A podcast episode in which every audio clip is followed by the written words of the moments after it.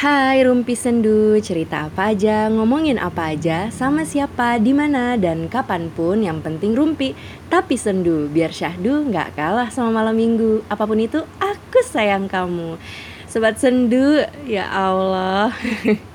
Akhirnya kita tahun baruan lagi ya.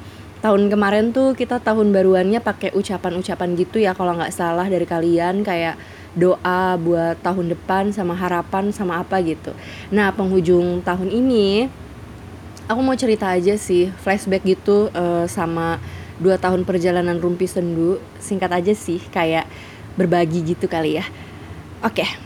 Uh, jadi malam ini sambil nemenin kalian yang gabut tahun baruannya, terus kalian yang harus tetap kerja walaupun orang lagi rame main petasan, terus kalian yang melewati malam tahun baru dengan kesepian dan penderitaan. Semuanya yang gelisah, mari kita merapat. Rumpi Sendu episode ke-50 spesial tahun baru 2022. Wow, gila gak sih? Udah 50 episode aja ya kan? Kadang tuh uh, mikir gitu. Ini dua tahun udah 50 episode. Kalau ada yang mau kepo gitu kan capek kali ya dengerinnya. Kayak kucuk-kucuk gitu kenalan gitu kan aku sama orang. Terus dia lihat aku punya podcast terus dia dengerin gitu karena penasaran. Kan capek banget ya. Kayak dulu tuh uh, pernah beberapa temen tuh laporan kalau mereka baru dengerin satu kali podcast aku gitu karena baru tahu gitu aku punya podcast. Terus mereka tuh uh, dengerin episode yang lain juga katanya dicicil gitu dengernya biar bisa dengerin semua episode. Nah dulu itu kan enak ya cuma belasan episode. Coba dong sekarang 50 episode saya siapa yang mau dengerin? Kayaknya kalau beneran ada gitu ya orang yang pengen maraton dengerin podcast Rumpi Sendu 50 episode tuh harus dikasih penghargaan deh.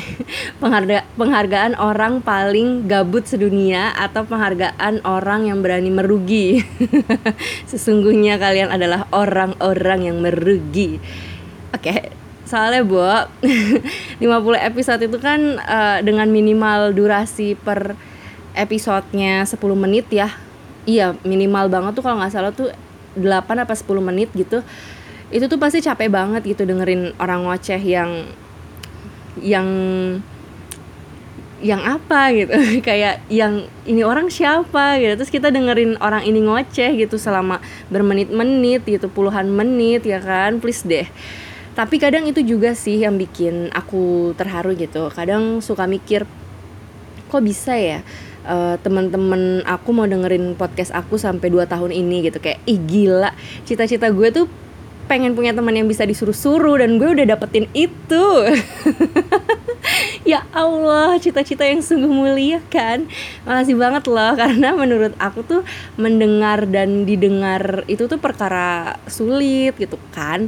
Dan dua tahun ini tuh total pemutaran rumpi sendu tuh udah seribu 800 gitu diputer oleh orang-orang gitu. Dan itu e, besar buat aku karena awalnya kan mikir paling yang denger cuma aku Mali, Bang Raja, Mas Sofyan e, terus dulu tuh sama Kak Alia sama Yusi. Cuman di pertengahan jalan banget ya e, awal-awal itu mereka udah e, KO duluan karena mereka sibuk gitu kan sibuk banget. Nah tapi ternyata makin ke sini tuh ada aja gitu dan beneran nggak tahu gitu siapa aja yang dengerin karena ada yang satu episode itu didengar sama 50 orang, ada yang sampai 170-an orang. Eh pemutaran maksudnya. E, terus ada yang 30, ada yang 20, ada juga yang belasan gitu. Jadi kayak ini orang orang-orang tuh satu orang dengerin berkali-kali atau emang yang dengerin tuh uh, emang ba eh, sebanyak itu gitu kan sempat mikir juga. Karena waktu itu sempat iseng muter berkali-kali dan aku dengerin itu nggak nambah pemutarannya. Jadi tuh kayak ih siapa nih? gitu. Terus teman aku juga nggak sebanyak itu kan bunda. Aku nggak tahu gitu siapa yang dengerin gitu. Tapi ya nggak tahu lah ya bisa jadi mungkin satu orang tuh uh, muter satu episode tuh sampai 10 kali kali ya. Ya kan kita positif thinking aja ya kan. Tapi aku bisa tarik kesimpulan gitu. Mungkin karena judul-judul gitu. Mungkin juga karena di share sama orang. Jadi makin banyak yang ngeliat gitu.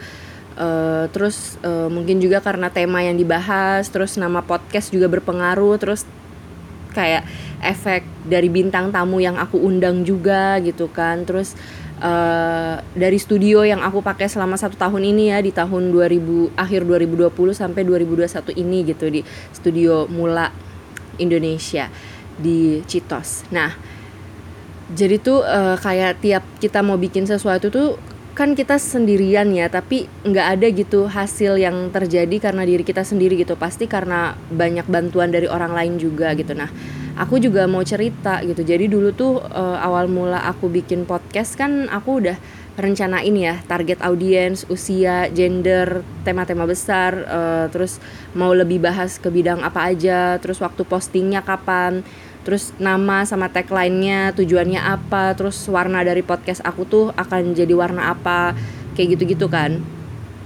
Uh, dan itu tuh sangat memudahkan aku untuk uh, berjalan gitu. Kadang suka ditanya kan sama orang gimana sih cara bikin podcast kayak kamu?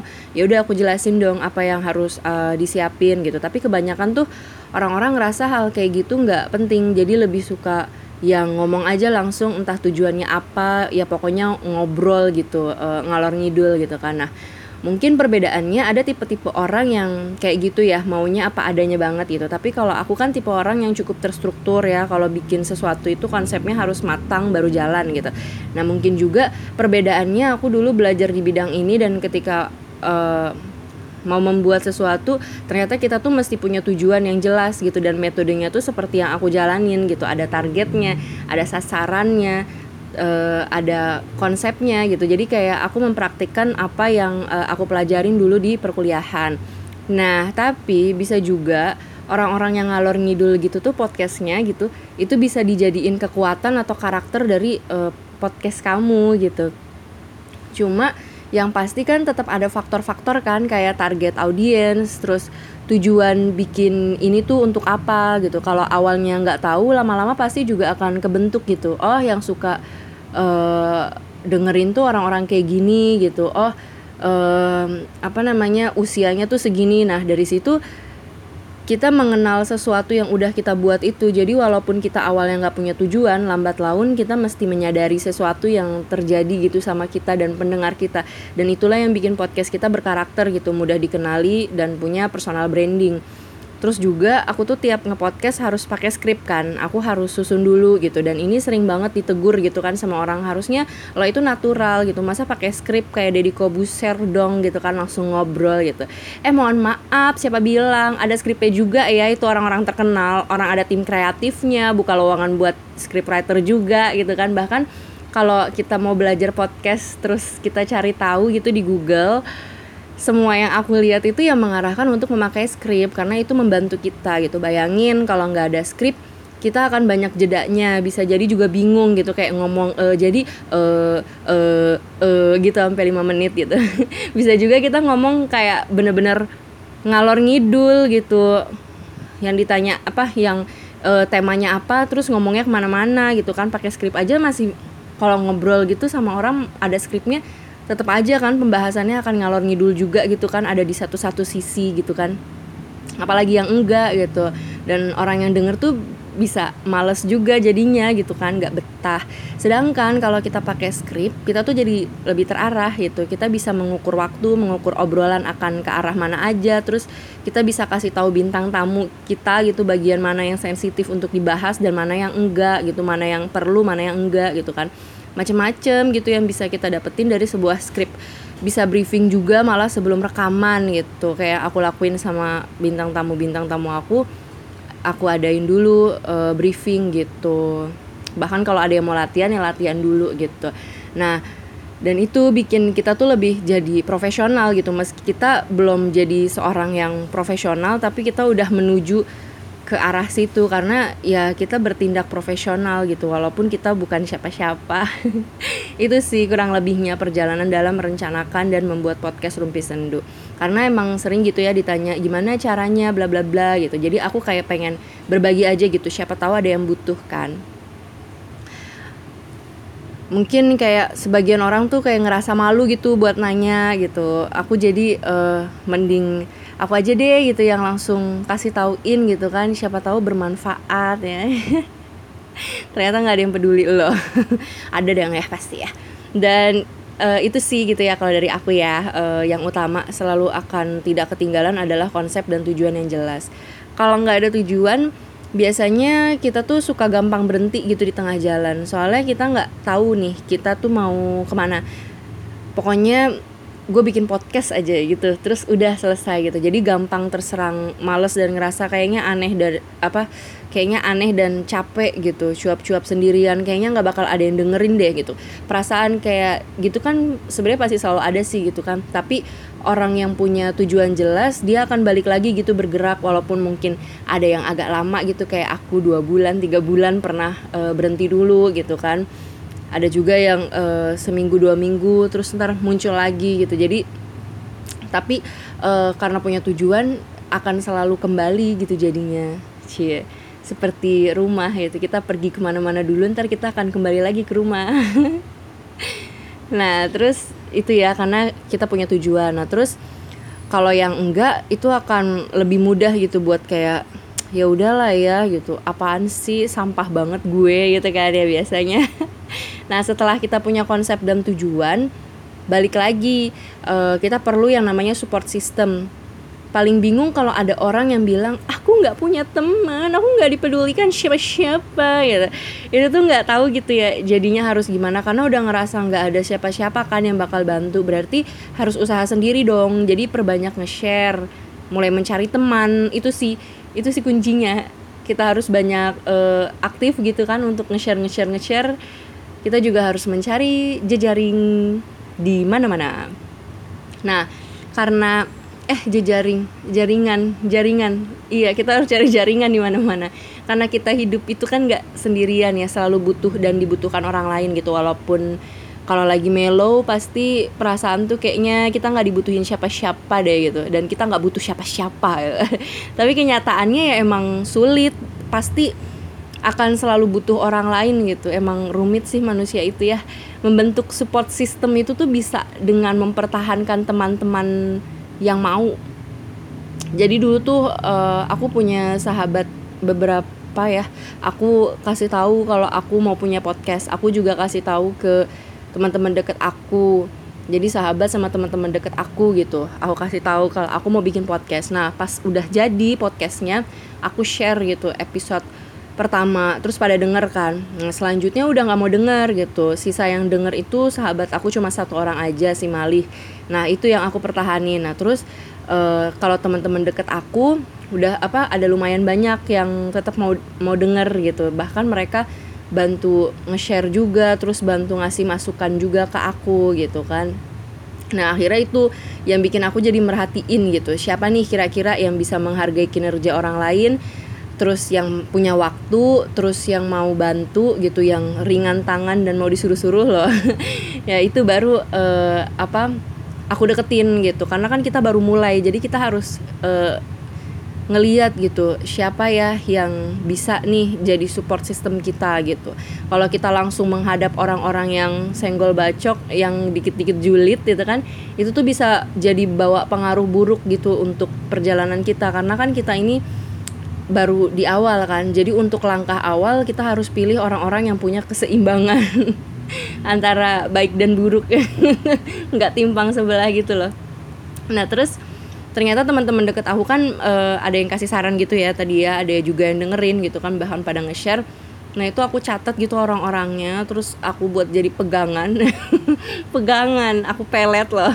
Terus uh, aku kayak uh, uh, bilang gitu oh yang kayak gini-gini nih yang aku butuhin. Oh si dia nih orangnya uh, bijak sini orangnya bijaksana gitu. Terus uh, si dia nih orangnya to the point gitu. Jadi uh, aku bisa ngeliat sisi-sisi oh yang kalau misalkan aku lagi butuh apa nih aku bisa nih uh, sharingnya sama si A.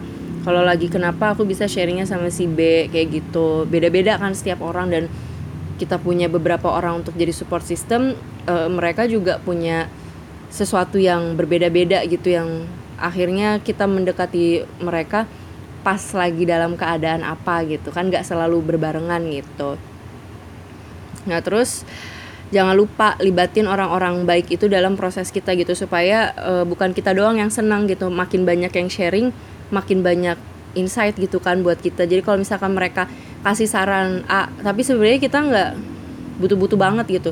Kita tetap dengerin uh, terus kita catat gitu. Karena suatu saat pasti akan kita butuhin juga gitu. Biasanya kan oh sekarang belum dibutuhin. Nanti nih besok-besok kita bisa uh, kebetulan pas nih momennya kayak gitu kan. Jadi tuh untuk bikin podcast ya kita butuh konsep dan tujuan gitu. Untuk mempertahankan podcast kita gitu. Butuh support system juga nah dua-duanya itu perlu kita jaga gitu supaya makin hari makin kuat Nah terus kalau kita hilang satu dua tiga kali akan ada yang nanyain kan karena kita udah membentuk support system itu. Jadi mereka pasti akan merhatiin dan ngebantu kita tanpa perlu kita minta gitu. Terus yang ketiga kita perlu branding. Nah untuk membentuk branding itu tuh kita harus sering-sering memperkenalkan diri. Konsep udah kuat, tujuan udah jelas, support system udah ada, tinggal brandingnya aja gimana. Jangan pernah capek gitu buat memperkenalkan podcast kita ke orang lain. Dulu waktu awal mula bikin podcast itu aku selalu posting di Facebook, di story sosmed, di Twitter sampai akhirnya aku yang dulunya disebut Mbak penyair jadi dipanggil Mbak penyiar. Terus yang tadinya orang tuh kalau lihat aku ngomongin puisi akhirnya jadi ngelihat aku tuh seolah-olah di jidat aku tuh ada tulisan podcast gitu. Karena selalu ngomongin podcast lagi podcast lagi gitu. Nah itulah e, berarti branding yang itu udah apa yang aku buat itu udah kebentuk gitu dari kebiasaan-kebiasaan aku dan konsep sama tujuan aku yang jelas terus support system yang ngeramein di mana-mana aku berada gitu. Jadi orang ngelihat kita tuh wah udah ada yang denger gitu. Wah udah uh, apa udah jelas gitu oh dia bikin ini oh dia begini oh dia begitu gitu. Jadi kan orang-orang kan tinggal ngelihat doang kan apa yang kita posting biasanya kan. Nah semuanya tuh berjalan dengan natural gitu jangan sampai dibikin-bikin. Nanti jadinya kerasa kurang nyaman. Terus gimana caranya mencapai itu? Ya dengan mengamati yang ada di luar kita terus menggali yang ada di dalam diri kita. Terus setelah itu ya yakin gitu sama semuanya yang ada di diri kita. Kalau kita belum yakin ya kita bisa belajar untuk yakin atau ya kita minta bantuan lagi itu support sistem kita gitu. Biasanya mereka pasti akan meyakini karena mereka kan orang di luar diri kita kan. Nah itu itu tuh akan berefek sama apa yang kita lakuin gitu. Karena e, pertama kita harus jadi support supporter untuk diri kita sendiri dulu baru orang lain kan ngikut kan. Tapi kalau misalkan emang kita belum yakin ya kita minta diyakinin ya nggak apa-apa juga sih. Tapi masa mau disupport mulu ya emang darah rendah loh. Gitu kata Keanu. Nah dari dua tahun nge-podcast ini itulah kenapa akhirnya aku memberikan giveaway belajar bareng nge-podcast sama aku untuk tahun 2022 karena aku melihat e, banyak yang pengen punya podcast tapi nggak tahu caranya dan nggak ngerti harus gimana gitu.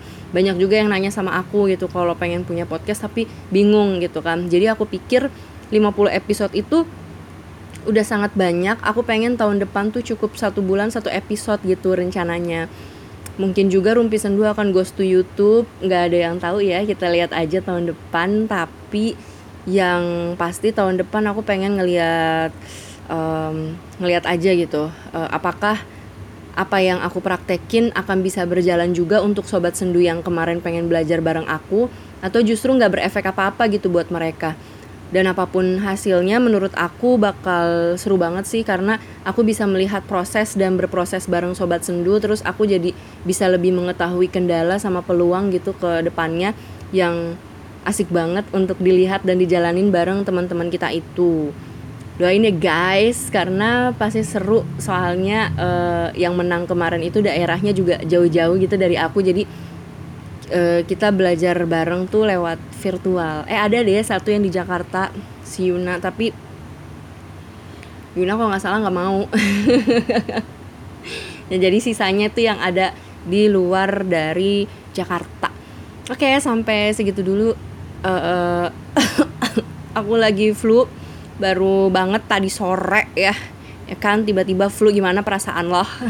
Nggak enak banget ngomongnya ini udah gatel hidung sama tenggorokan udah minum vitamin tapi makin bersin bersin jadi nggak enak deh. Oke selamat tahun baru ya sobat sendu. Makasih banget semuanya udah nemenin rumpi sendu sampai sejauh ini dan malam tahun uh, apa malam tahun baruan ini. Masih mau dengerin rumpi sendu juga makasih banget Semoga 2022 jadi jalan yang baik buat kita semua mencapai apa pun yang kita butuhin dan kita inginkan. Amin. Makasih banget sobat sendu semuanya. Bibir diberi kecupan, bibir diberi kecupan, bibir diberi kecupan, kecupan sayang. ada yang kangen gak sih aku nyanyi lagu itu? Kan awal ngepodcast aku suka nyanyi lagu itu loh. Ada yang inget gak? lagunya yang suka dinyanyiin sama Soimah tuh dulu Oke deh, sampai ketemu lagi di Rumpi Sendu selanjutnya. Rumpi Sendu, cerita apa aja, ngomongin apa aja, sama siapa, di mana dan kapan pun. Yang penting rumpi, tapi sendu. Biar syahdu nggak kalah sama malam minggu. Apa pun itu, aku sayang kamu. Dadah!